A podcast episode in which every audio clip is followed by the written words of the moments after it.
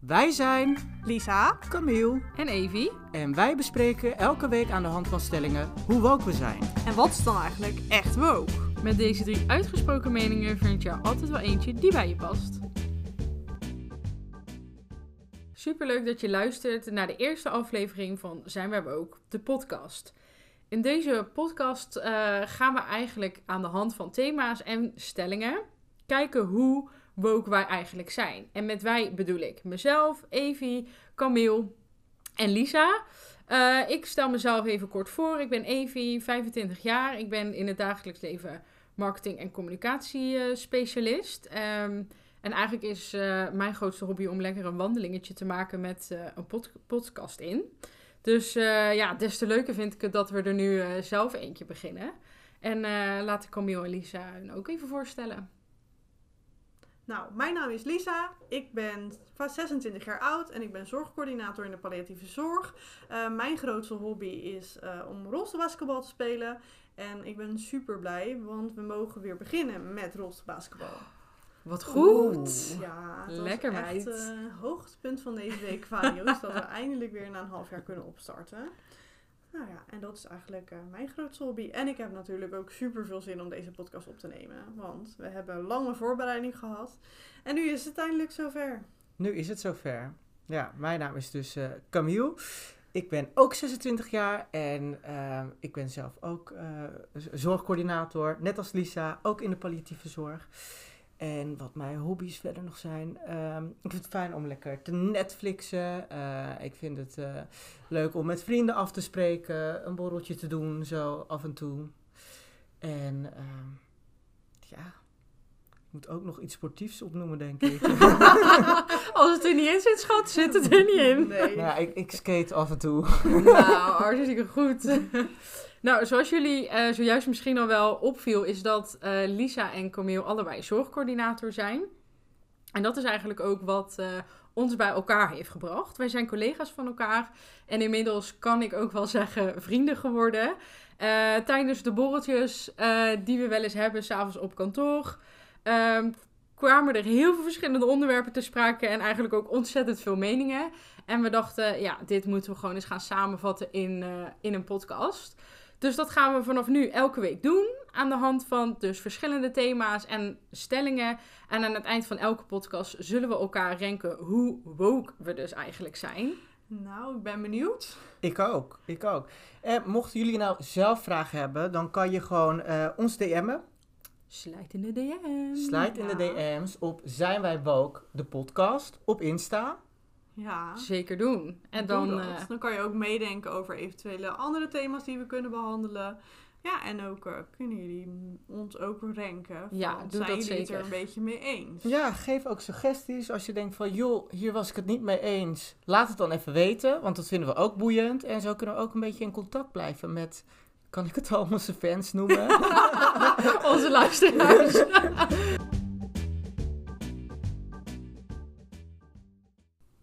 Maar voordat we eigenlijk gaan beginnen met de stellingen, is het misschien eh, goed, eh, ook voor onze luisteraars, eh, om eens eigenlijk te bespreken wat de definitie is van woke.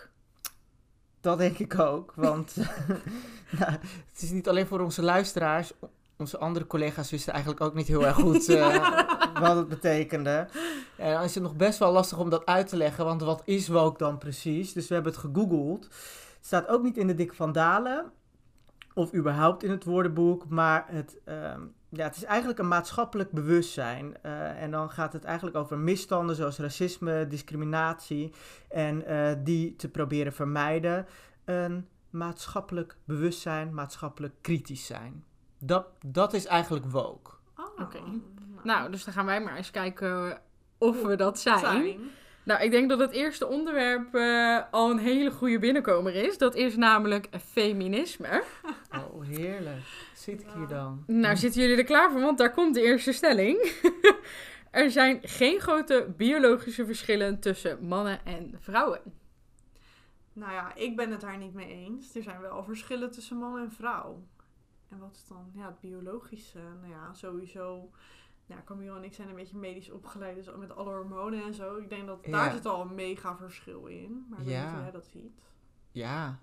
een vrouw heeft een VJJ en een man een, eh, een piemel. Ja, dat zijn al wel verschillen. Maar Nou, dat is ook een soort van biologisch al. ja, Ja. natuurlijk. Het echt het uiterlijk. Ja, Ja. ja. Maar ik vind de hormonen wel interessant wat je zegt. Want eigenlijk hebben wij vrouwen en denk ik ook wel medisch het altijd over vrouwelijke hormonen. Maar ja, hoe zit het eigenlijk met mannelijke hormonen? Ik weet, ik weet dat eigenlijk helemaal niet.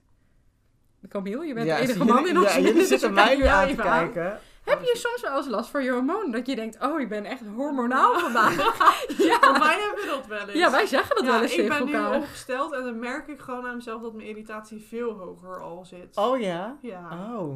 Nou.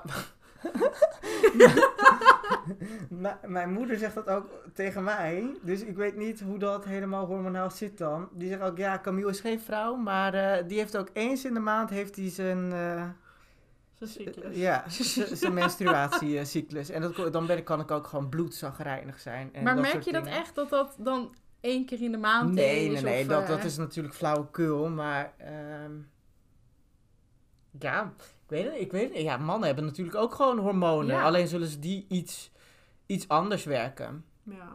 Maar is dat dan echt zeg maar, het verschil? Kijk, ik merk aan mezelf dan dat, zeg maar, dat ik me echt anders voel tijdens bepaalde momenten van mijn cyclus. Mm. Leuke informatie ook voor iedereen om te weten. Maar ik denk zeg maar wel, ik weet niet hoe dat dan met mannen is. Want je hebt zeg maar wel een soort van mannengedrag. Wat, je, wat ik altijd denk dat het ook deel hormonaal is. Dat het een soort door, door de testo eh, is. Maar, Testosteron. Ja. Oh, we gebruiken gelijk afkortingen. Testo.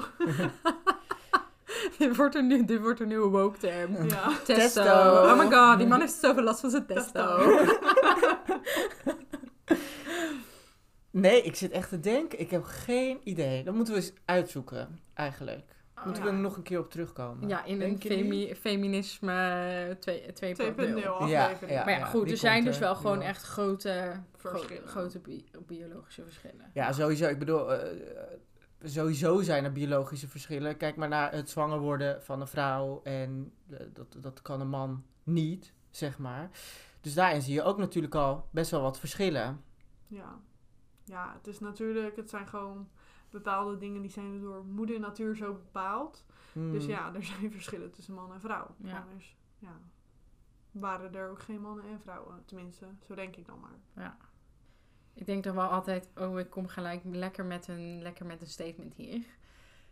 Ja, ik denk wel dat ze dan dat soort dingen toch aan de vrouw hebben gegeven, omdat ze dan... Zij zijn er sterk genoeg voor. Oh, om om zwanger te worden. te Ja.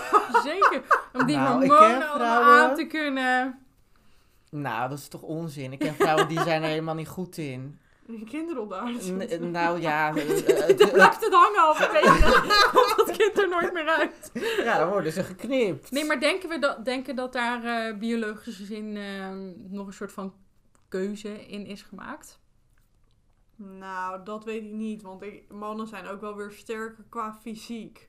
Ik bedoel, kijk, waar ik in de sportschool kracht wil opbouwen, dat doe ik dan gewoon twee keer zo lang over als een man. Tenminste, Ja. ik vind altijd, als je mannen zo ziet hoe snel ze in hun schema naar boven gaan en hoe ik dat niet heb, dan denk ik, ja, is wel een groot verschil daarin, zeg maar. Nou, Ja. misschien ook wel qua mindset dat er echt wel verschillen zijn. Eh, ja, ik weet niet of dat echt zo is.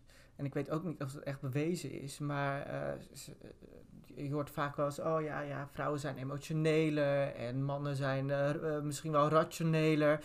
Maar ik weet ook niet of dat echt waar is. Ik bedoel, ik ken ook wel vrouwen die hartstikke rationeel zijn en waarbij mannen juist meer uit emotie handelen. Ja, dus Ja. dat valt nu ook niet op elk persoon te, te plakken. En ook qua fysiek. Ik bedoel, de ene eh, vrouw is sterker als de man. Ja, dus Het is ook wel een soort zwart-wit denken als je echt Ja. mensen in een hokje wil sto- steken van...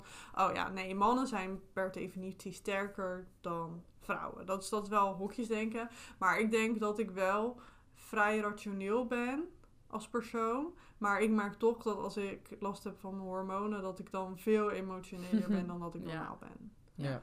Dus het speelt wel mee dat het een soort van erin zit. Ja. Of, of is het een excuus? Ja.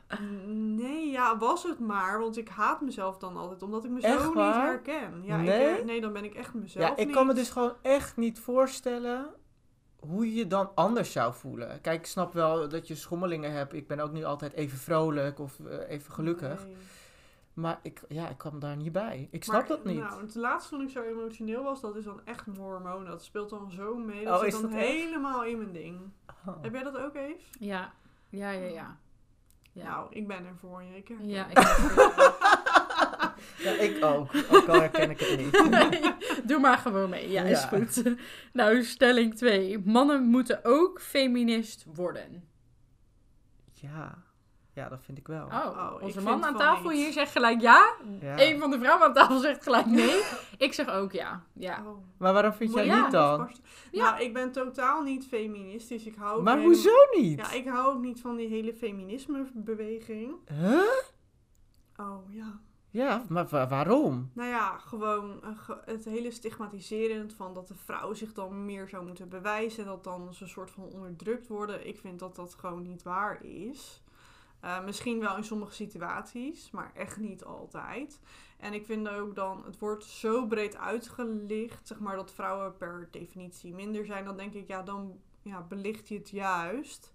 En daar hou ik gewoon niet van. Dus je vindt dat zeg maar de feministische beweging zoals die op dit moment gaande is, veel te veel het negatieve belichten dan echt een verandering. Ja, ik vind het juist een achteruitgang, die hele beweging. Hè, maar net zoals baas in eigen buik of... eh, Ja, maar Dat dat, soort vind ik niks, niet per se iets met feminisme te maken. nou, dat vind ik behoorlijk feministisch. Ja, je komt wel echt op voor het vrouwenrecht als vrouw zijnde, waar je van vindt dat, dat, dat mannen er eigenlijk niet over mogen beslissen. Ja, ik vind inderdaad...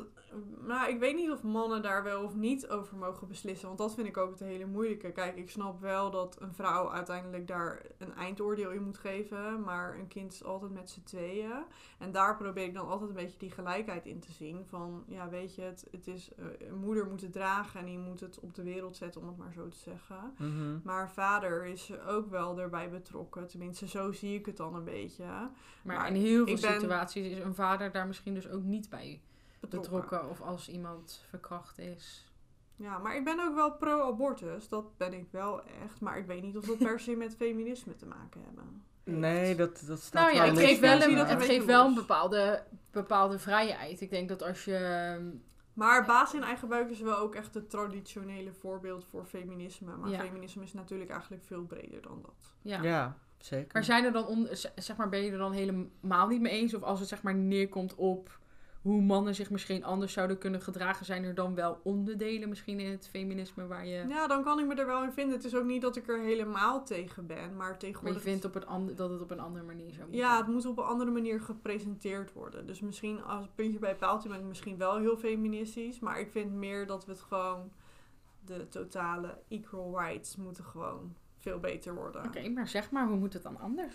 Oh, moet ik dat nu gaan vertellen? Ja, nou, we Oh, kunnen ook nou. even vragen waarom Camille zegt van ja, nou, dan komen we zo meteen bij Ja, dat is goed. Laten we dat doen. Nou, waarom ik zeg ja. eh, kijk, eh, eh, nou, de- ik zal het wel een beetje vanuit mijn beroep of vanuit mijn werk doen. Ik, eh, t- ik, heb de opleiding verpleegkundige gedaan en ehm, ik kwam echt wel bij oudere mensen ook over de vloer. En dan was er ook wel eens iemand die dan aangaf van goh, ehm, ja, ik heb een opleiding gedaan als lerares en dat vond ik super leuk om te doen. En eh, dat heb ik daarna, na mijn trouw, heb ik dat nooit meer kunnen doen of nooit meer kunnen uitoefenen. En dat vond ze altijd zo jammer dat ze op de tachtigste bijles eh, is gaan geven aan eh, ja, jongeren met Nederlandse taal en dat soort dingen. Ehm, dan denk ik, ja, hoe, dat is helemaal niet zo heel erg lang geleden. En hoe kan dat dan? En hoe kan dat dat we dat zo bepaald hebben toen in die tijd?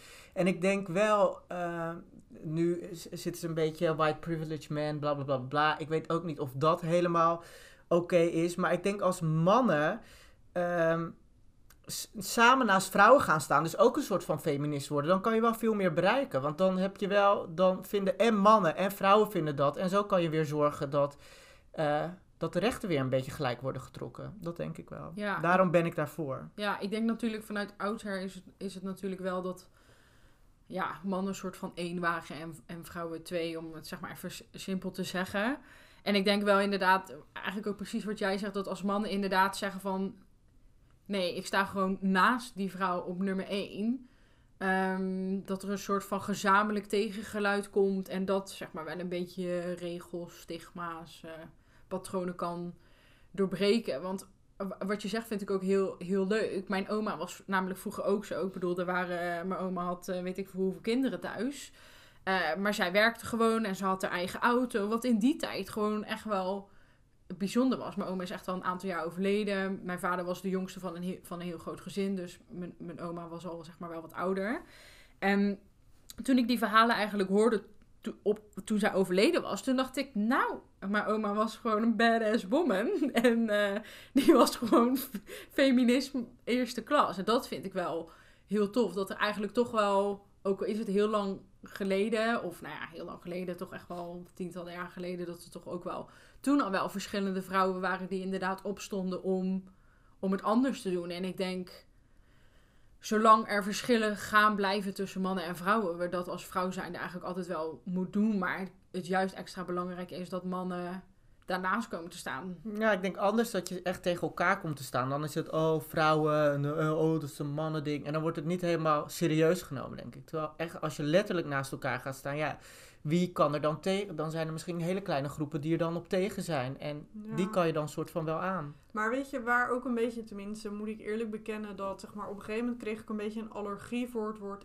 feminisme. Misschien speelt dat ook wel mee hoor. Want ik merkte op een gegeven moment ging ik ook, was ik ook een podcast aan het luisteren en dat was een Engelse. En dan ging het heel erg, zeg maar, je had net al Black Lives Matters gehad. Mhm. En toen gingen we ook nog een soort feminisme krijgen over dat ehm, blanke vrouwen of witte vrouwen, want blank mag ik niet zeggen, hoorde ik laatst. Maar dat je als witte vrouw dan, zeg maar, nog daarboven zou staan en dat dan een zwarte vrouw daar weer onder zou staan volgens, ehm, nou ja, onderzoek. En ik Mm. denk van, we zitten nu allemaal zo erg in hokjes. Van die valt onder dat hokje, die valt onder dat hokje. En ik vind daar moeten we gewoon over het algemeen vanaf. En ik vind we kunnen nog zo lang terugkijken in de, in de, zeg maar in de historie van hoe deden we toen, hoe gingen we daar nu mee om. En dan gaan we nu natuurlijk zitten we al stappen verder. Maar ik denk op een gegeven moment moeten we gewoon stoppen met achteruit kijken. Want daar gaan we nooit meer wat aan kunnen veranderen. We moeten gewoon met de hele beweging, de hele bevolking Ja. moeten we één kant op kijken. Bijvoorbeeld Ja. laatst hadden we daar ook een, een discussie over van... ehm, over volgens mij met, eh, de, met de verkiezingen. Over of dan een vrouwelijke eh, minister-president dan anders zou zijn of beter. Maar dan denk ik, ja, ik- daar ben ik dus zo niet van. Dus ik ben ook niet zo'n vrouw die op een vrouw stemt. Maar ik stem gewoon op een persoon waarvan ik denk, die kan het goed doen. Om het maar zo te Ja, goed, dus ja, ik snap het. Ja, ik, ja, daarin snap ik wel wat je, wat je zegt. Eh, soms is het zo agressief dat het soms eh, in de media of eh, wordt het Ja, agressief is, gebracht. Ja, het is veel minder dat- gericht op een soort van oplossingen. Of op zoek naar verbetering, maar, Maar ja, veel meer op benoemen van. het werkt wel aan de andere kant, want we hebben het er wel over. Dus ik denk dat het ergens ook Goed nodig is, is, ja. om ervan te leren of om het onder de aandacht te brengen. En het is niet altijd even chic, maar daarin snap ik je wel. Ja, soms denk ik ook. pff, ja, Ja, maar ja, niet ik op denk een dat- Maar, maar daar manier. moeten we juist voor uitkijken. Want ik denk dat als het in je allergie komt, eh, dan ga je juist geen vooruitgang meer boeken. Want Nee. dan ga je het op een gegeven moment het, het onderwerp uit de weg. En dan denk je van, nou, laat maar zitten. Want ik denk niet dat het beter wordt. Ja, Ja, maar het is kracht van herhaling, denk ik. Op Ja. een gegeven moment Ja. hoor je zo vaak, dan denk ik, ja, misschien moet ik er Moet ik inderdaad even maar voor iets doen. openstaan of moet ik me inlezen. Net als met de Zwarte Pieten discussie, ja. Ik moest er eerst echt een beetje om lachen. En op een gegeven moment hoor je het zo vaak, het komt echt jaren terug nu, dat ik denk, oh, misschien moet ik me even inlezen waarom, waarom, Waarom, dit ja. is. Ja, het heeft allemaal zijn voor- en nadelen. Ja, ja, maar als ja. je dus zegt, mannen moeten ook feminist worden, dan, dan zeg je dus wel echt nee. Ja. Oké. Sorry. Niet zo Ja, nee, ik vind dat we mannen ook feminist moeten Ja, worden. eens, eens. Stelling 3. Vrouwen verdienen structureel minder dan mannen omdat zij slechter onderhandelen. Ik denk dat het waar is. Nee, ik denk niet dat vrouwen per se slechter onderhandelen. Maar ik denk niet zo goed dat ze weten hoe ze hun positie moeten inschatten. Wat ze kunnen vragen. Dus ja, misschien onderhandelen ze dan wel Ja, dan slechter. onderhandelen ze slecht. Nee, ik, ik, denk, ik denk dit niet. Nee? Nee, ik denk, dat, eh, ik denk dat het overigens heel functieafhankelijk is. ja, soms heb je natuurlijk ook gewoon schalen en dan word je standaard ergens ingeschaald. En dan is het stukje hele onderhandelen is er misschien niet, niet eens ehm, per se. Mhm. Ehm, ik denk ook dat het best wel persoonafhankelijk is. Ben je gewoon brutaal genoeg om iets te vragen? Eh, ik ken eigenlijk ook best wel mannen die gewoon zeggen van... eh, oh ja, nou ja, ik weet niet, eh, vind ik best wel spannend. Ik ken in mijn omgeving best wel veel vrouwen die zeggen van... eh, die, weet je wel, dan gooien we het gewoon op tafel. Eh, wat verdien jij, wat verdien jij? Ik doe nu dit, wat denk je dat ik kan vragen? We gaan even overleggen. Oké, dan ga ik daarvoor Maar strijden. Ja, maar dat is, dat is wel goed. Want ik, ik denk, vroeger had je het er niet over van wat verdien jij, wat verdien jij. Terwijl, waarom zit daar zo'n taboe op? Ja, ik verdien dit, lekker boeien, prima, jij verdient dat. En waarom zou je het daar niet open over kunnen hebben? Ja. Dus ik denk dat dat wel helpt als je het erover open over kunt hebben. Dat je dan ook weet van wat is mijn onderhandelingspositie. Maar Ja. ik denk dat het ook wel echt per bedrijf verschillend is. Ja, dat, dat denk denk ik ik ook. Want je hebt natuurlijk hele grote bedrijven waar het gewoon zo not dan is om over je salaris te praten. Ja.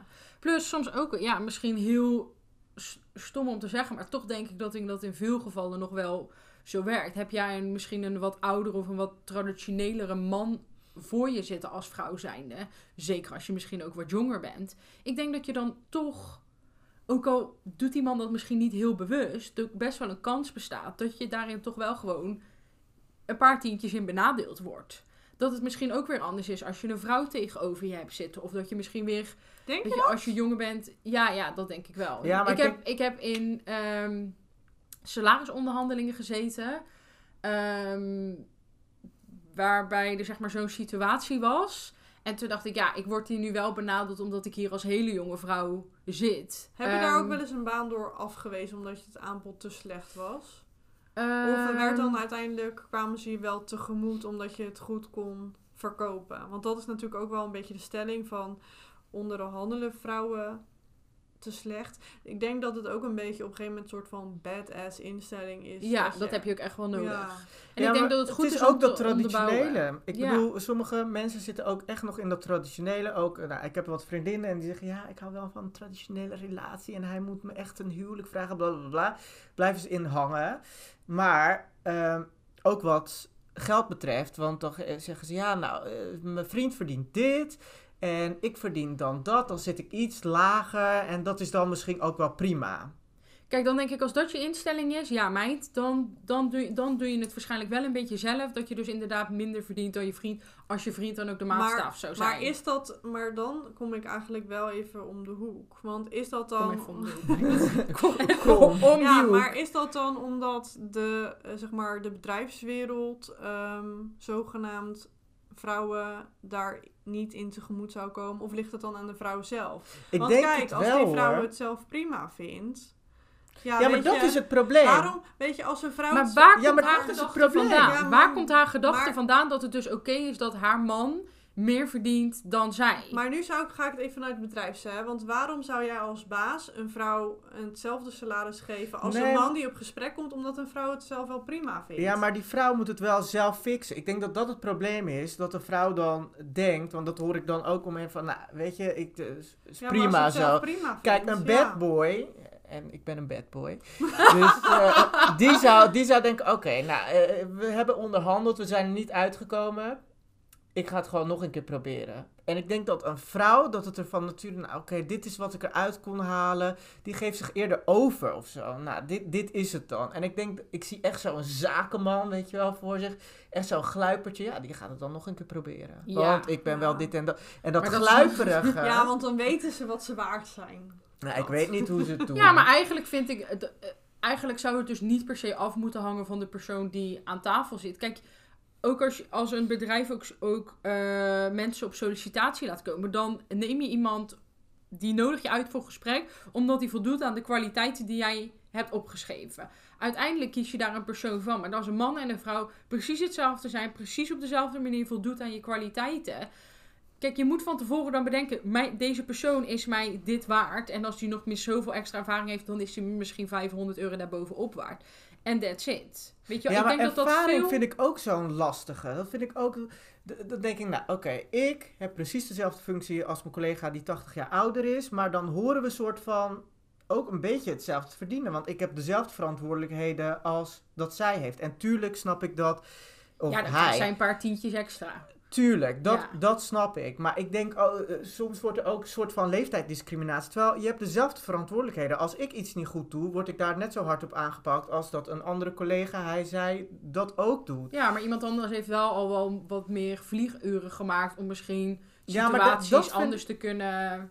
Tuurlijk, ja, want tuurlijk. eh, je kan nooit, oh, oh, ook als je net van je opleiding afkomt, je hebt niet die ervaring dat je gelijk alles... Nee, maar dan Nee, kan je meer wat waard. individuele kijken en niet, want sommige mensen zijn even oud, maar hebben dan niet die ervaring die jij wel al hebt. hebt. Ja, ik bedoel, sommigen die studeren lekker tot hun dertigste en dan gaan ze nog een, eh, gaan ze ergens werken. Ja, ik werkte al vanaf mijn achttiende. Dat is toch wel anders als dat je de hele tijd hebt gestudeerd. Ja, je komt wel in een andere flow. Ik denk dat, dat een bedrijf gewoon echt een statement in moet nemen van wij vinden dat iemand dit mag krijgen ongeacht Of die man of vrouw is. ja. En, dat, en leeftijd eigenlijk ook niet per se. Want heeft iemand van 25 net zoveel ervaring als iemand van 30, dan zijn ze allebei evenveel Precies, maar kijk dan wel naar de ervaring. Wat Ja. heeft iemand al. Of gedaan? het relevante ervaring is ook. Top, maar heeft die iemand van 30 gewoon echt meer vlieguren gemaakt? Maar dan vind ik, ik vind eigenlijk dat er dan bijna geen onderhandeling meer in moet zitten. Maar dat de werkgever ook echt moet kijken van... Oeh, maar dat vind ik gevaarlijk wat je zegt. Want dan, eh, dan gaat een werkgever heel erg bepalen hoe het er voor jou uit gaat zien. Ik vind juist dat je moet onderhandelen, want dat ben jij waard. Maar ik denk dat een bedrijf van tevoren wel moet zeggen van... "Di- dit is de range waarin we gaan zijn. Weet je, Ja, uiteindelijk is de, is de werkgever wel- wel... degene die zeggen... we betalen voor deze kwaliteiten en de werkzaamheden die die uitvoert. En dan kan je zelf wel doen alsof je eh, de 4, 5, 6 tonnen waard bent. Maar dat is natuurlijk ook... Ja, maar Gewoon een d- dat is het probleem. bluff. Want dan komt die man en die zegt: Ja, ik, eh, jullie hebben me gekozen. Of, eh, en ik vind het prima. En eh, die andere heb je afgebeld dus. Oh, oké. Ja, ik wil het wel doen, maar ik wil er toch een duizendje bovenop. Weet ik veel. Dan Ja. gaat die toch goed lekker die onderhandeling in. En dan bereikt die het toch of zo. Want je wil diegene toch wel dan hebben. Ja, maar dan moet een werkgever het anders aanpakken. Ja, dan heb je niet slim gedaan. Maar het is toch ook zo, ik vind wel, want soms heb je ook, zeg maar, een soort, dan kom je ergens op gesprek en dan vraag je naar een salarisindicatie. En dan gaan ze elkaar nog aanstaren van, oh, wat kunnen we geven? En ik heb een keer gehad, letterlijk bij een bedrijf, die zei toen, nou, dan kan jij x aantal bruto verdienen. En toen zei ik, ja, maar weet je, zo werkt het niet. Ik zeg, want die functie heeft twee maanden geleden, want soms kan je dat terugzieken, heeft hij voor die gestaan. Ik zeg, ja, waarom zit daar zo'n groot verschil in?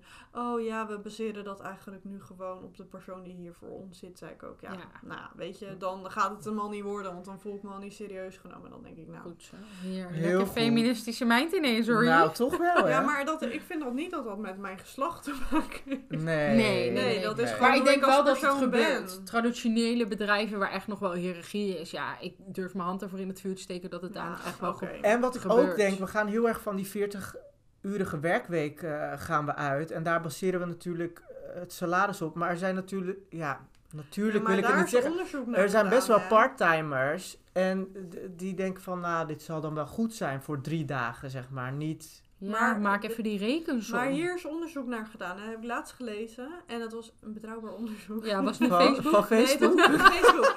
Nee, maar, de, zeg maar in heel Europa, de hoogopgeleide vrouwen in Nederland, gaat maar zo'n klein percentage naar hun eh, studie gelijk fulltime werken. Er gaan zoveel mensen bijvoorbeeld al gelijk 24 uur werken. En dan denk ik, ja, we kunnen als, als vrouwen ook nog zo zeggen dat we zo feministisch zijn. Maar als we niet bijvoorbeeld, want heel vaak vinden mensen het ook, weet je, mij boeit het niet. Ik vind het prima als mensen denken van, oh joh, mijn eh, vriend die werkt 40 uur en ik werk 24 uur. Als je daarvan kan rondkomen en je bent daar gelukkig door, moet je dat lekker doen. Maar dat is niet heel feministisch, want Nee. je bent wel een Nee. soort van afhankelijk van het inkomen van... Ja, die Nee. vrouwen zijn dus ook niet zo ook. Nee. Nee, nee. Dus Ja. ik denk, als we hem denk ik toch wel even terugpakken. Ik denk dat, eh, als ik even voor mezelf spreek. Ik denk niet dat vrouwen structureel minder verdienen dan mannen omdat ze slechter zijn in onderhandelen. Maar ik denk dat we de conclusie wel kunnen stellen dat er gewoon voor veel vrouwen nog wat werk aan, de winkel, is. Ja, dat ja dat vind ik een mooie. Oké, feminisme gaat over gelijkheid tussen mannen en vrouwen. Oh, nou. Ja. Ja, ik zei dat net natuurlijk een beetje. Ik vind dat feminisme, dat dat niet echt er per se hoeft te zijn, omdat we juist naar gelijkheid tussen man en vrouw moeten opzoeken. Ik denk dat het veel Dus- meer is dan alleen Ja. maar gelijkheid tussen mannen en vrouwen. Ik denk niet dat je per se gelijkheid moet willen tussen mannen en vrouwen. Wel gelijke rechten.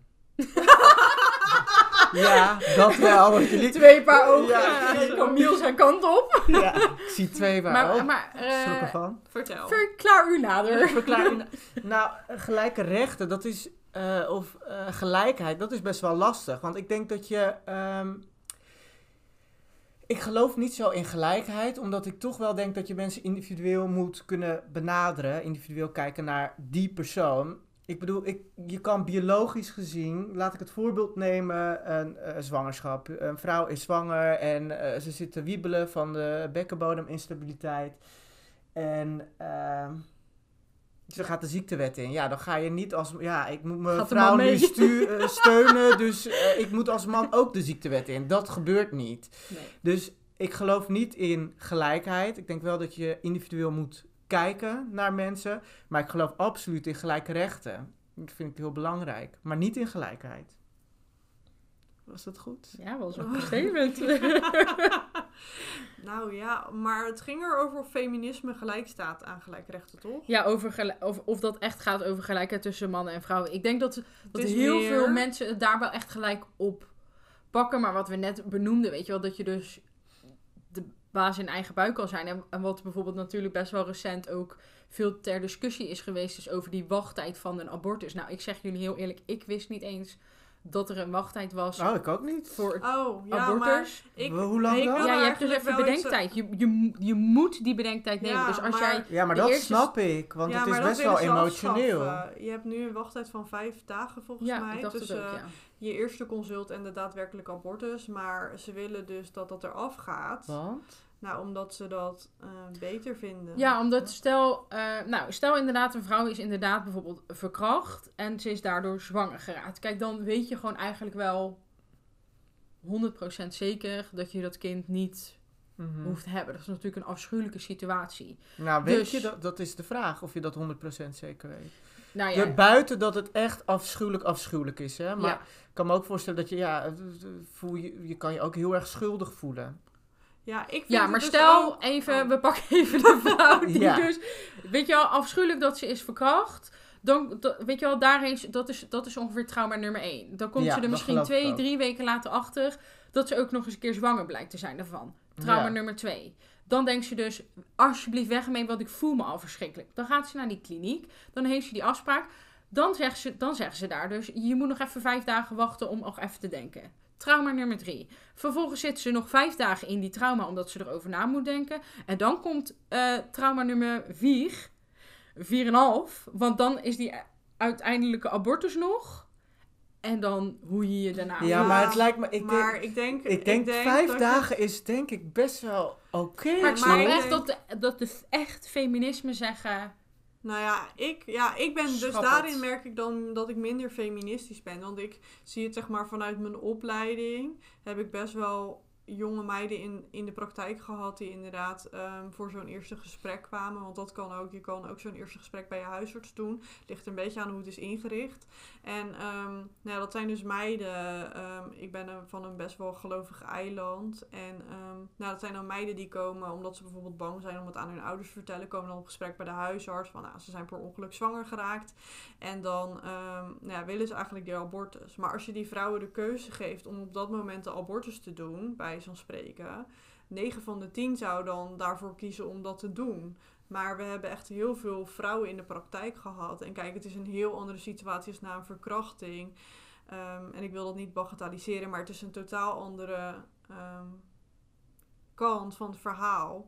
Ehm, er zijn best wel veel vrouwen die daar dan toch op terugkomen. Dat ze toch die abortus niet durven doen. Omdat ze erover na hebben gedacht van... Nou, is het echt het ergste?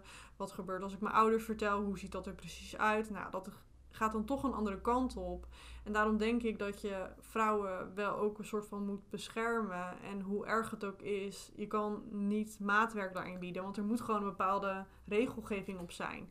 Het is bijvoorbeeld... denk, je, dat- denk, je, dat- denk je niet dat eh, een huisar- huisarts bijvoorbeeld of zo'n consult in, st- in staat zou zijn om dat in te schatten. Ja, maar ik denk ja, dat maar vijf huisartsen willen daar niet mee belast worden dat hun daar de keuze in moeten maken of een vrouw wel of niet recht heeft om op dat moment gelijk zoiets te doen.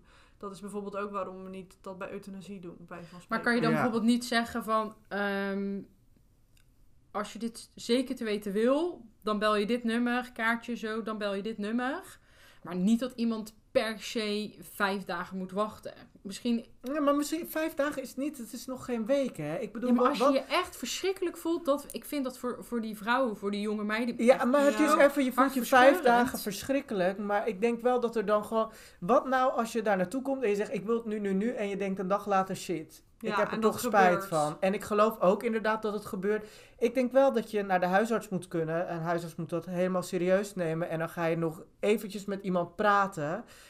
Om te kijken of, of je het echt wil. Om erachter te komen waarom je het eigenlijk wil. Want ik denk die verkracht... Ik weet niet, ik, ik ken de cijfers niet.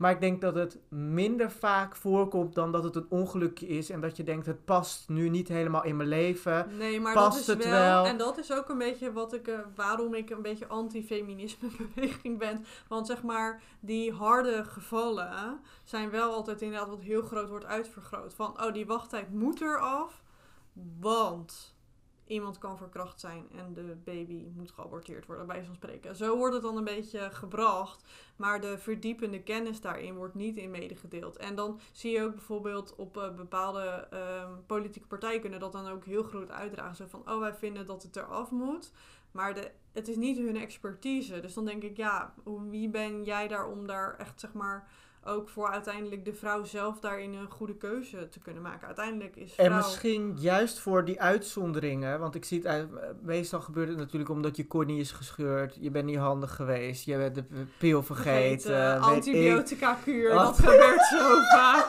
Ja, nee, weet je hoe vaak ik meiden ja. aan de lijn heb gehad? Oh, Mevrouw, ik ben zwanger. En dan, ik zei, ja, maar je gebruikt toch de pil? Ja, maar ik heb antibiotica gebruikt. En ik wist echt niet dat het dan, dan de pil Ja, niet meer betrouwbaar is. Ehm, En had ze die Feminisme gaat misschien ja, ook, dat moet ook misschien meer gaan over, eh, over educatie. Dit is ook een, goeie, een goed punt voor feminisme 2.0. Ja, Ja. want ik, ja, kijk, als, als meiden dit soort dingen zeggen, dan denk ik, ja, dan is er ergens wel een beetje tekort geschoten aan eh, Educatie. educatie. Ja, maar terugkomend, want ik vind het wel echt wel heftig wat jij aangeeft, eh Evie, van eh, de, ja, met zo'n verkrachting. Ik denk dat daar dan een apart beleid Ja, Voor moet voor Ja. moet zijn. Ja. En eh, aparte, of misschien aparte naar Maar ik denk dat er drie zo... dagen, ik weet het niet. Of dat je echt zegt, iemand moet gewoon niet één consult, maar gewoon Twee. twee op zijn Ja. minst of zo. En dan Maar ook een dag bijvoorbeeld later. ook al dat er vanuit, stel ehm, iemand is inderdaad verkracht en dat er al vanuit politie een soort van meer begeleiding komt. Want dat merken we nu ook al dat dat niet heel erg Ja. is. Dat is natuurlijk überhaupt een probleem, de hulpverlening. Iemand waar je verhaal gewoon bij Kwijt kan, ja. Omdat je het, want stel voor dat iemand uit een gelovig gezin komt, eh, wat jij net een beetje aankaartte, Lisa. Dan is het fijn dat je het even met iemand die er gewoon geen verstand, eh, of die niet in jouw leven zit, even het erover kan hebben en even kwijt kan zijn. Ja, lijkt me heel belangrijk. Ja. Nou, ik denk dat het, dat het heel duidelijk is dat feminisme volgens ons niet alleen gaat over gelijkheid tussen mannen en vrouwen. nou, stelling 5. Zogenaamde mannen- en vrouwenberoepen zijn cultureel bepaald. Oh. ja, die zijn cultureel bepaald. Ja, ik denk sommigen wel een beetje. Omdat, ja, dat is gewoon de geschiedenis die we al jaren hebben. Bijvoorbeeld, mijn opa heeft in de bouw gewerkt. Nou ja, dan had je alleen maar mannen. En nu, nou ja, nu heb je bijna alleen nog steeds maar mannen. Je hebt af en toe een vrouw die op kantoor zit. Maar dan denk ik, ja, ik, ik, ken, ik ken niemand. Zeg maar, ik heb VMBO gedaan, dus best wel veel mensen gingen ook de bouw in. Nou, ik ken echt geen vrouw die dat gedaan heeft. Eigenlijk, moet ik eerlijk bekennen. Nee, Is ook zo, ja. Ja, ik zie mezelf ook niet in de bouw. ik mezelf ook niet. Maar ja, ik had het natuurlijk als man zijnde eh, tijdens mijn opleiding verpleegkunde. Dat ik eh, volgens mij... Ja, jij bent eigenlijk best een goed voorbeeld. Ja, ja. Ik zat in een klas denk ik met een mannetje. Had je überhaupt eh, nog jongens in je klas? Ja, dat wilde ik net gaan Oh, vertellen. sorry. ik zat in een klas met twintig mensen, denk ik. Zo Ze en wilden het sneller. Ja, Sneller! ik ga, ik ga sneller, sorry. Oké. Ik zat in een klas met zo om en nabij twintig mensen. En eh, drie, er- eh, daar waren drie jongens bij. Oh, dat Inclusief vind ik nog best wel veel. Inclusief eigenlijk. ik. Ja, vind je dat ja, veel? want eh, ik heb dan doktersassistentenopleiding gedaan. En wij hebben gewoon, nou ja, ik heb één dag een jongen in de klas gehad. Die was na twee dagen met de opleiding gestopt. Uh-huh. En verder weet ik dat ook toen ik in het laatste jaar zat, was er nog steeds geen jongen met de opleiding gestart. Oh. Oh, We hadden alle, dat is ook- nog extremer. En dan hadden we ook tandartsassistenten, zaten ook geen jongens. Nee. En ook apothekers niet. Alleen maar vrouwen. Maar goed, ik heb Helemaal communicatie gedaan. Vertel. Of in ieder geval ehm, International Event Music and Entertainment Studies. Oh, wauw. Doe En dan maar had je de chic, hoor. Wij zijn gewoon normale mensen. En dan had je de eh, communicatiekant en de commerciële economie kant. De communicatiekant ook alleen maar meiden. Nou, hooguit twee jongens per klas. En dan dacht je echt, nou ja, volgens mij ben je verdwaald. Want volgens mij eh, moet je aan de commerciële economie kant zitten. En ik vind het wel grappig, want als ik nu merk wat ik zeg maar doe in mijn werk, het leven, ben ik eigenlijk veel meer die commerciële economie student Uh-huh. dan de communicatiestudent. In mijn laatste jaar kreeg ik ook alleen maar de opmerking... Hè, ben je van communicatie, hoezo? Je, bent- ja, je bent echt een commerciële economie eh, student. Maar, oh, I'm the boy. oh, lekker feministisch. Je kan gewoon allebei de kant ja, oh, nou inderdaad. Ik ga scoren deze aflevering. Ik voel het. Maar d- ja, dat is er wel. Ik denk, Ja. ik denk ook omdat mensen er gewoon, ja, er zitten gewoon meer vrouwen in. Dus dat is gewoon, dat is gewoon ook feitelijk. Ik bedoel, vrouwen, Ja. vrouwen kiezen daar eerder voor. Ja, je moet het allebei kunnen doen. Maar het is ook het beeld toch? Ik bedoel, vroeger... Ja, maar het is toch ook prima als jij Ja. als vrouw eh, het prima Maar vindt om in de zorg te werken. Of- Nou, of is dat- nee, ik denk dat je vooral moet doen wat jou gelukkig maakt. Ja. Ja. Kijk, je moet Maar gelijke kansen hebben. maar, Maar, denk jij, want dat vraagt me af, denk jij dat jongens zich tegengehouden voelen bijvoorbeeld om verpleegkunde te gaan doen? Of dat helemaal niet? Nee, ik denk het niet. Oh, ik denk het Oh. wel. Wel? Ja. Waarom? Nee. Nou, omdat ik denk, ehm, in eigenlijk beroepen is denk ik iets waar we voor een heel groot deel nog best wel traditioneel in zijn. En dat, ehm, dat, dat denk ik toch wel iets is wat heel veel generaties nog wel gelijk hebben. Omdat, ja, denk, ik ik denk soms ook, ja, kijk, vrouwen zijn misschien soms gewoon fysiek minder sterk. Of, eh, nou ja, wat je zei over, ik moet twee keer zo lang trainen om dezelfde spieren te krijgen als dat die man eh, binnen no time heeft. Dus ja, biologisch bepaald is het makkelijker misschien voor mannen om te werken in de bouw dan voor vrouwen. Maar ik denk dat vrouwen daardoor misschien wel makkelijker kunnen denken van... Oh ja, dat is echt een mannenberoep, dus misschien moet ik iets, iets anders kiezen. Ik denk dat we qua beroepen daarin nog vrij... Ja, maar als een vrouw zijn. dat echt leuk zou vinden, dan zou ze toch denken, joh, fuck it, Ik ga lekker de bouw in. Misschien is dat gewoon het stigma wat wij moeten afgeven, of, of de mededeling. Stel je zit nu op de verpleegkundeopleiding als vrouw, maar je denkt eigenlijk wil ik gewoon eh, bouwtechnische hoppelopop worden. Ik zou zeggen, doe het, stop met die opleiding en Ja, ga maar ik geloof, anders doen. ik geloof niet dat mensen Ja, niet bij zichzelf niet. denken van, nou, dit Nou is ja. gewoon niks voor mij. Maar misschien als je toch wel uit een wat traditionele gezin komt... En je zegt aan de keukentafel op dinsdagavond... Nou, ik heb besloten, ik kap met verpleegkunde en ik ga... Wat zei je, bouwtechnische hoppelepop doen? Nou, ja, dat, ja. dat dan misschien Maar die soms vader of die zullen- moeder soms- zegt van... Nou, schat, eh, denk het niet hoor. Nou, ik, mijn, ouders zijn best wel traditioneel, eh, vind ik. En mijn vader die zat ook wel verpleegkunde. Jij, oké, eh, d- zou je niet zoiets of zoiets doen? Maar ik dacht, nee, dit lijkt me gewoon hartstikke leuk. En eh, dit wil, ik wil dit gewoon, dit vind ik leuk. Dus zouden mensen zich echt door zo'n traditioneel gezin zich een beetje laten tegenhouden? Ja, ik denk, Ik dat denk dat het wel, dat als het echt met de paplepel wordt ingegoten, dan... Nou ja, eigenlijk wat je misschien ook wel zegt over die vriendinnen die bijvoorbeeld ook makkelijk zeggen van... Oh ja, dan is het wel prima dat ik minder verdien dan mijn vriend en zo. Dan denk ik, ja, dat moet ergens vandaan komen dat je dat dus... Dat je dat denkt. de- ja. en dat je dat, dat je dat dus eigenlijk ook een soort van normaal vindt. Maar misschien, ik ben denk ik op dit vlak gewoon enorm feministisch. want ik denk gewoon altijd, ik ben zeg maar degene die dan wel vooraan staat om te zeggen dat dit soort dingen allemaal niet normaal zijn. En dat je dat niet Nee. normaal hoeft te vinden. En, Ja, Ja, maar eh, waar, wat Lisa net zei van eh, vrouwen aan de top. Ja, en we moeten als een. eh, kijk, als een vrouw even goed is als die man die solliciteert. Ja, kies, kies lekker voor die vrouw, weet denk- je wel. Maar als een vrouw gewoon echt wel. Je hebt een vrouw, maar die functioneert veel slechter. En die man die heeft. Ja, dan moet Veel je lekker voor betere papieren. gaan. Ja, ga maar voor ik je die ook, man. je moet echt een soort ideale dynamiek krijgen. Want alleen maar vrouwen op je werkvloer is echt... Nee, je moet echt kijken moet echt naar goede goede diversiteit. hebben. Ja. Ja. Ja, Ja, daarom ben ik ook blij met je als collega Camille. Man. ik ook met jou. Oh. Dus ja, het is wel cultureel bepaald. Ik denk dat we daar nog best wel eh, iets aan mogen doen. Maar ik denk dat jullie... eh, ik denk dat, ik, dat jullie me nu te feministisch vinden. Nou, je gaat wel lekker scoren, daar Ja. doet ze toe. Komt goed, Evie. Wees niet, eh, niet daarin te bal. nou, we zijn al bij de ene laatste stelling. Oh, we gaan lekker. Vaders moeten minimaal evenveel zorg besteden aan hun kinderen als moeders. Dat vind ik wel. Oh, ja. Ja, toch? Jawel. Ja, ik heb dat zo'n hekel als er dan komt met, ja, die heeft papadag. Oké, wat doet hij de andere de rest van de zes dagen dan? Ja, maar ook... Is, die, is dat zijn vrije dag? Is dat geen kinddag? Ja, maar- Hij is alleen op donderdag Maar weet je, wel, weet je wat denk ik wel echt meespeelt? Nou, we hebben allebei nog geen kinderen, Evie. Maar mer- ik merk super vaak dat vrouwen in het begin heel erg zeggen, zeggen van... Oh ja, we gaan allebei, ehm, hoe zeg je dat? Op de kinderen letten. Of we zijn allebei verantwoordelijk voor de kinderen. Maar ik merk het bij sommige vriendinnen die dan nu wel kinderen hebben. En dan is het toch ineens van... Oh, ja, nee, nee, ja, ik moet echt op eh, Jantje letten hoor. Want eh, ja, blijkbaar kan papa niet oppassen of zo als ze even met vriendinnen de hoort op wil. Ik merk dat dat wel heel erg speelt. Dat het in het begin heel erg die A-instelling is, maar dat het dan toch, nadat de bevalling geweest is en alles, dat het toch een beetje omdraait. Ja. Ik denk dat het misschien toch ook hormonaal is. Toch zou ik zeg maar wel eens een keer in eh, dit praatgroepje willen van vrouwen die zo eh, functioneren.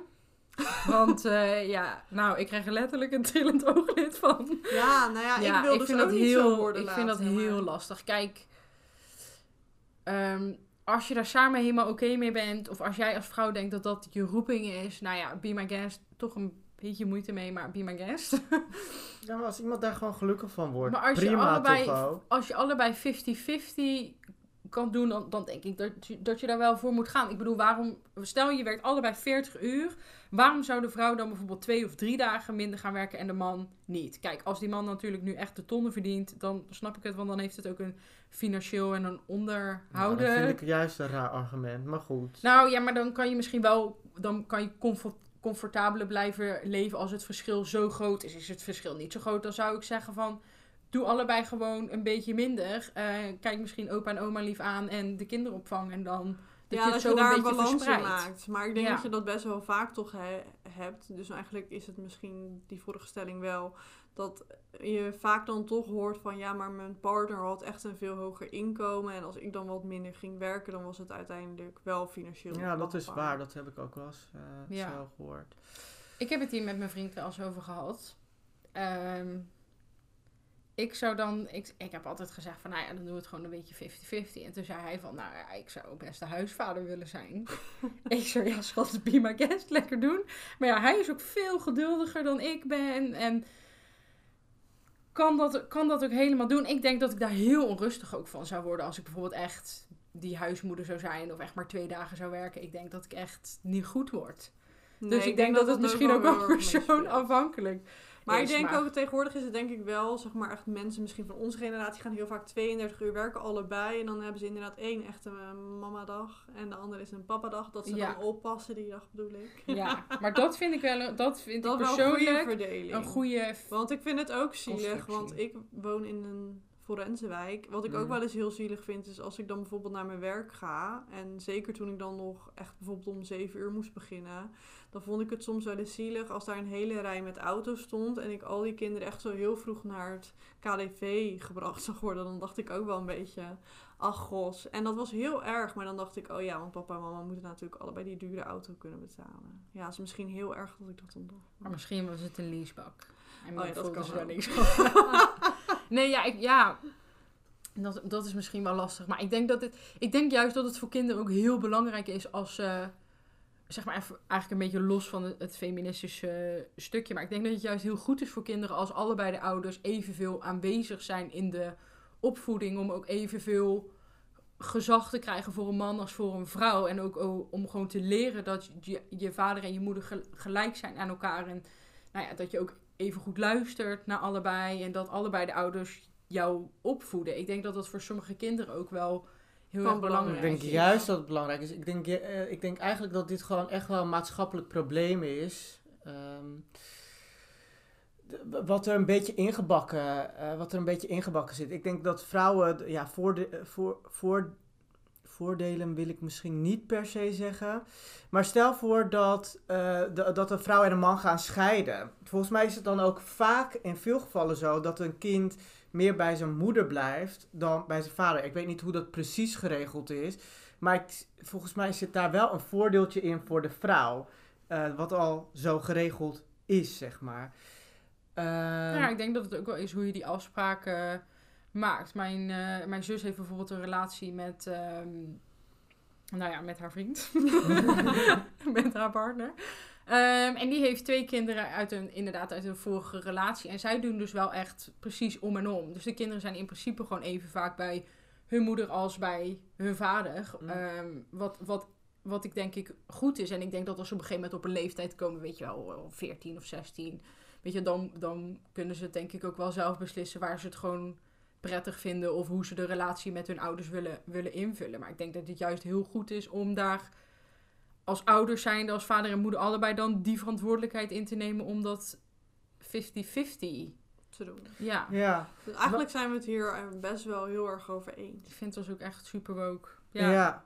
Maar ik wil er nog wel één ding aan toevoegen. Want wat ik dan ook, wat ik bijvoorbeeld met mijn eh, lessen tijdens de verpleegkunde had, hadden we het ook over eh, de kraam en bla bla bla. En toen ging het heel erg over bonding tussen moeder en kind. Maar ik dacht, waar blijft die vader dan Ja. in dit plaatje? Eh, dan ging het ook bijvoorbeeld over op welke manier je borstvoeding dan zou kunnen geven. En dat het zwangerschapsverlof, dat dat dan echt dan bedoeld is om te bonden met je kind. moeder. Maar waar blijft de vader dan in dit hele plaatje? Waarom, heeft de, waarom zou de moeder niet eerder kunnen werken, waardoor de vader daarna nog eh, een beetje verlof heeft, wat hij met zijn kind door zou kunnen brengen? Dus ehm, Nou ja, dat is nu wel beter ge- geregeld. Geregeld. Dat vaders dus ook langer daarna verlof hebben. Ik denk dat, dat, dat ja, het maar het is niet heel is. veel langer. Ik Vijf denk dat dat weken? nog beter geregeld zou kunnen worden. Ik denk ook dat je als vrouw en man een soort van mogelijk, ja, dat je zou kunnen kiezen van, oh, nou dan, eh, we hebben zoveel weken, dat je dat dan vanuit de overheid of weet ik veel, eh, een beetje kan verdelen van, nou, ik blijf zoveel, eh, mocht, mocht ik niet eh, nog uh, bekkenbodeminstabiliteit of gedoe of dingetjes hebben. En dan ga ik een beetje beginnen met werken en dan neemt mijn man het over. Dat je dat zelf als stel beter zou mogen Ja, verdelen. En dan misschien ook wat meer zou kunnen spreiden. Dat is denk ik ook wel goed. Maar ik denk dat er wel al goede stappen zijn gezet. Doordat mannen volgens mij eerst, wat was het, eh, hadden ze een week. En nu hebben ze geloof Vijf weken, toch? Nu hebben ze vijf Nee, weken. joh. Ja, oh, eerder. nu- Nee, eerder dacht ik. Oh ja, mannen hebben nu vijf Oh. weken, maar goed, dan wel weer 75% betaald. Dus voor de mensen die gewoon wat minder verdienen, is dat denk ik ook best wel weer een financiële hap. Dus ik denk, nou, gun die vaders dan, dan ook de tijd als we dit een beetje eerlijk willen, willen verdelen. Maar ja, als ze dat zouden kunnen spreiden. Maar volgens mij komt het straks ook dat ehm, Onder co verlof... eh, ouderschapsverlof. ja, dat bedoel Ja. ik. Dat dat dan straks ook beter geregeld is. Dus ik denk... Maar ook met alimentatie en zo. Alle, ik denk Oh, dat ja. mannen een beetje... Gewoon Mannen moeten meer op de barricade gaan staan. Ja, nou, hierover wel. Guys. Nou, top. De laatste stelling. Vrouwen zeggen vaak dat ze feministisch zijn, maar handelen hier niet echt naar. Ja, heel veel. Sadly enough. Kijk naar Lisa. Nee, nee, nee. Ik zeg, ik ben gewoon niet feministisch, maar ik handel er wel een beetje naar, denk ik. Ik denk dat ik juist meer het omgekeerde ben. Oh. Sorry. Ja, jij bent de categorie die niet voorkwam in de stellingen Nee, vandaag. nee, dus jou je kunnen bent uitgeschakeld. Ja, ik, de- ik denk dat ook wel. Want dat zijn dan vrouwen die, die wel zeggen van... eh, oh ja, ik vind dat eh, per definitie alle mannen en vrouwen gelijk moeten eh, verdienen. En dan vraag je ze aan je wie moet betalen op de eerste date. En ja, de man. Oh, oh Ja. ik word er zo niet goed van. Nee, schatje, gewoon lekker 50-50. Want jullie verdienen allebei evenveel. Dus kan je ook allebei evenveel betalen. Nou ja, Maar eens en 50-50 voor altijd- of eerst eh, de man en daarna de vrouw. Of, Ja, eh, maar als je dan zo gaat zijn van... Hé, ja, maar die tweede keer komt nooit. eh, Oh ja, maar als je dat Ah. weet, moet je al gewoon splitten. Splitten. vrouw. Split- ja. Is dat feministisch? Nee, dat is gewoon... Of ge- zeg gewoon als vrouw, ik betaal wel. Ik betaal. Ja, maar weet je, ik doe dat wel eens. En als je dat dan met een man doet, dan zijn ze gelijk soort van gefrustreerd. Nee, dan- gewoon... Ja, wel, schat. testo even laten Nee, maar dat is echt. Ik heb een keer een jongen gehad die was gewoon beledigd dat ik wilde betalen. Maar ik wilde gewoon naar huis. Ik wilde gewoon dat hij zijn mond hield. En dat lukte maar niet. Dus ik dacht, nou, ik betaal wel als. Dan neem ik het heft in eigen hand. Dacht je. De volgende podcast gaat, podcast gaat over daten. Nee. Ja, ik, maar ik vind dit wel heel, heel spijtig. Ik denk, dan proberen we met z'n allen zo ons best te doen. En als vrouwen zichzelf dan op deze manier zo gaan ontkrachten, ja, dan ben ik een beetje teleurgesteld in mijn eigen geslacht. Ja, Dat snap ik. ik ook, denk ik. nou, ja, Nee, jij- maar ook met het bent- huwelijk. Ook allemaal zo traditioneel. En Ik moet oh, het gevraagd moet gevraagd worden, ja. worden. En dan moet het zo. En, eh, en het moet in een ballon. En ik heb deze wensen. En dat geven ze dan ik. zo heel slinks op een papiertje. Ja, als je me toch ooit gaat vragen. Ja, ik Doe heb, het dan ehm, zo en heb zo mijn dat ik denk- Pinterest-bord al gezien. Maar Oh. daarom voel ik me ook gewoon zo geen feminist, omdat ik zo totaal niet ben. Dan denk ik. Ja, maar dan ben je dus wel een feminist. Ja. Want als je dus niet zo handelt, Dan Ja, ben je dan feminist. ga je lekker. Maar Dan ja, jij bent goed. deze stelling überhaupt al niet. Jij bent the other way around. Oké, laat maar zitten. ik haak helemaal af. Ja, Nou. maar is dat in meer, met meer dingen? Dacht ik zo. Want we hebben het betalen in een restaurantje of zo. En dan heb je het huwelijk. Is dat met meer dingen zo? Waar Nou, vrouw... misschien ook wel, eh, wat jij bijvoorbeeld ook wel benoemde, Camille, over eh, dat vrouwen dan bijvoorbeeld wel roepen dat eh, mannen en vrouwen evenveel moeten verdienen. Maar dat vrouwen dan inderdaad uiteindelijk in zo'n gesprek heel makkelijk zeggen, oh ja, oké, is goed. Ja. Ja. Ik zit te denken waar het nog meer bij Misschien is. dus ook Wat wel met, opvoeding, is. dat ze dan wel zeggen, opvoeding, weet je, dat ze dat, dat- zelf ook wel in stand houden van, oh, ach ja, dan heeft hij lekker op donderdag papa dag en de rest van de dagen doe ik het. Ja, maar dan vervolgens wel zeggen van, oh, mannen en vrouwen moeten allemaal gelijk zijn. Ja, maar ik denk echt wel dat je opvoeding daarin ook best wel key is. Van hoe je daarin bent opgevoed. Ik bedoel, als jij echt heel traditioneel bent opgegroeid. Ik denk dat je... De, en je hebt ook heel veel traditionele kringen daaromheen. Ik denk dat het er dan veel meer in doorfietst. Ja, ik denk Ik dat de omgeving wel... De- eh, ja. En ik denk eigenlijk dat zo'n traditioneel, zo traditioneel opgevoed worden niet per se heel erg goed is. Nee. Nee, maar Maar ja, ja, we zien er maar eens los we- van komen als jouw ja, hele sociale nee. netwerk traditioneel is. Ja, maar ik heb het wel eens gezien dat eh, dan eh, was er een stel en dan overleed eh, een jong stel met kinderen ook wel. En dan overleed eh, de partner, dus de vrouw ervan, aan kanker. Ja, eh, heel erg kloten, maar de opvoeding gaat door. En dat werd dan gedaan door de vader. Nou, die, deed het, die zal het echt niet slechter gedaan hebben. Maar, Nee. eh, dus ik denk dat het juist belangrijk is dat de vader ook gewoon in de picture is. En eh, dat vrouwen moeten dat ook belangrijk vinden, dat dat ja, zo maar is. ik vind dat dat nu nog best wel vaak, dat, zeg maar, vrouwen zijn daar ook best wel van. Zeg maar, als we het echt over kinderen dan hebben, dan hoor je altijd alle slechte verhalen over de vader. En ze kijken dan niet echt naar zichzelf. En zo wordt het natuurlijk denk ik ook vaak in bijvoorbeeld voogdij wel geregeld. Als jij echt een kwade partner hebt als vrouw, die kunnen het echt voor de mannen gewoon onmogelijk maken om veel voogdij te krijgen. Dat is Mm. wel echt een probleem. Ja. ja. Ik denk dat vrouwen hierin ook wel, ehm, denk ik, goed, goed moeten reflecteren op zichzelf. Weet je, ga jij met je bordje op de dam staan, dan vind ik dat je het ook wel gewoon moet doorvoeren in, Alles. Ja, in, in alles. nou, dat vind ik En als je het niet met Maar als alle mensen dat feministische... dan doen, dan ben ik ook feminist. Kijk, en als je het uiteindelijk niet met, met heel veel stellingen eens bent, of maar een paar uitdraagt, nou ja, kom dan op voor die paar stellingen waar je het wel mee eens bent en ben daar dan een feminist in. Maar ja, je moet ook niet hypocriet gaan worden. Nee, dat is het Je zo. het moet niet hypocriet Je zijn. moet niet feminist zijn om het feminist. te Nee. zijn. Maar Nee. zet je dan in voor verandering en niet alleen maar schreeuwen. Nee, daar hou ik Nee. niet van. Daar hou ik ook niet van. Ik ook niet. Oh, heerlijk. Nou jongens, we gaan elkaar ranken.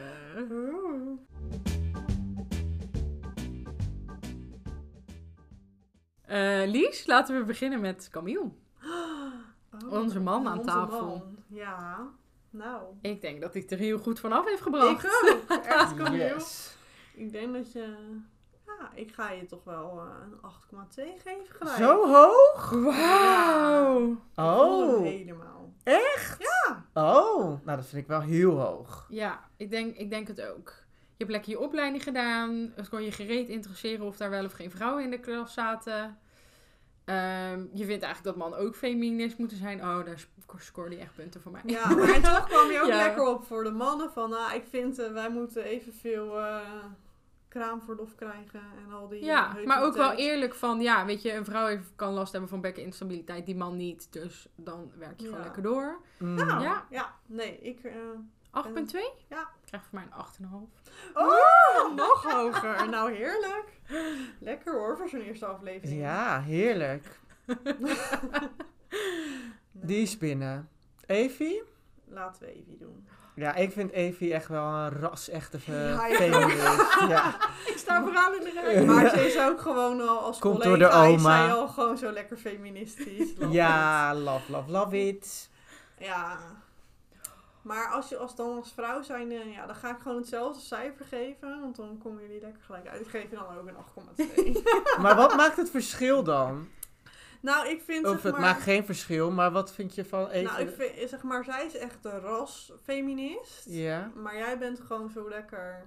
Jij komt er zo lekker bij dat je ook wel alles belangrijk vindt. Maar je vergeet niet jezelf. Of het mannelijk geslacht.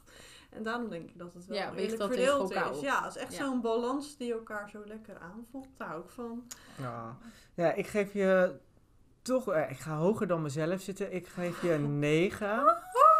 Omdat ik, ik vind ook... Ik vind dat sommige vrouwen die hebben dus heel erg van... ehm, de feminist en moet eh, vrouwelijkheid en bla bla bla. Maar die begrijpen het feminisme dan niet zo goed, heb ik het idee. En ik heb wel... Ik vind dat jij dat wel begrijpt aan de hand van hoe je, hoe je op de stellingen reageert. Dat het gewoon, het is meer, het gaat, het komt over op mij dat jij voor gelijke rechten gaat. En d- dat is feminisme voor mij. Ja. Oh, thanks poesjes. Ja, en Lisa dan? Oh. Ja, je begon niet lekker. Nee, je, nee, nee, je begon, nee, je begon niet helemaal lekker. Maar ik snap je wel. Ik snap de punt. Het is gewoon die eh, agressie, denk ik. Die agressie die vrouwen wel eens kunnen hebben. En daarbij daar, daaraan koppelen van, oh, ik ben feminist. Dat Ja, ben je- irritatie op ja, bij dat je, werd denk bij ik. jou een beetje agressie. Dat werd, ja, dat werd bij jou een beetje agressie. Dus ik, ik snap hem ook wel ergens. En daarom kan ik je ook niet laag scoren of zo. Ik, ik zet je op een lekkere dikke 8. Een 8. Wat? Dat is, Is dat, is laag? twee minder van jezelf. Ja. Een beetje hoog. Nee. Ja, dat is wel een beetje hoog. Is dat te hoog? Ja, sorry. Nou, ik- Nou, Kom maar, Nee, maar ik zelf. die 0,2 is gewoon voor die, die, die frustratie, snapte ik. Oh, oké. Nou, de credits voor de frustratie. Ja, sorry meid. Je weet dat je die van mij niet kan krijgen. Ehm, maar ik, ik was het enorm met je eens dat het echt gaat over verandering en niet zozeer alleen maar roepen, roepen, roepen. Daar ben ik het super erg mee eens. Ehm, ja, je, je ging voor mij toch echt wel minder lekker op eh, de beroepen en op de mannen in deze situatie. Ehm, op sommige was je een beetje 50-50. Je krijgt voor mij een 7. Oh, dat vind ik ook nog best wel hoog van jou. Ik Ja. dacht, 7,5. Maar dat komt eigenlijk omdat je heel hard roept dat je geen feminist bent en ondertussen best wel veel feministische punten he- hebt. En dat vind ik eigenlijk nog altijd beter dan dat je roept dat je feminist bent en vervolgens gaat ouwe hoeren over shit. Ja, en ik kon daar doorheen kijken. Dus Ja. vandaar mijn cijfer. Jullie kennen me ook zo goed, hè? Nou, als jullie als luisteraar daar toch anders over denken, dan horen we dat natuurlijk ontzettend graag. Tenzij het enorm minpunten is, dan mag je het lekker voor jezelf aan. Oh nee, dan willen we het ook horen. Ik wil het wel weten. Ja, dus slijt in onze DM. Ehm, we willen je heel erg bedanken voor het luisteren. Volg ons op, Camille. Zijn wij woke de podcast.nl wilde ik zeggen, maar het is gewoon op Insta. Dus zijn wij woke de podcast, even op Insta zoeken. Je vindt ons zo ehm, en slijt in onze DM's. Ja, vinden we superleuk. En dan horen jullie ons weer bij de volgende... Oh, Volgende sorry. aflevering. En dan horen jullie ons weer de volgende aflevering. Tot de volgende keer. Doei! Doei!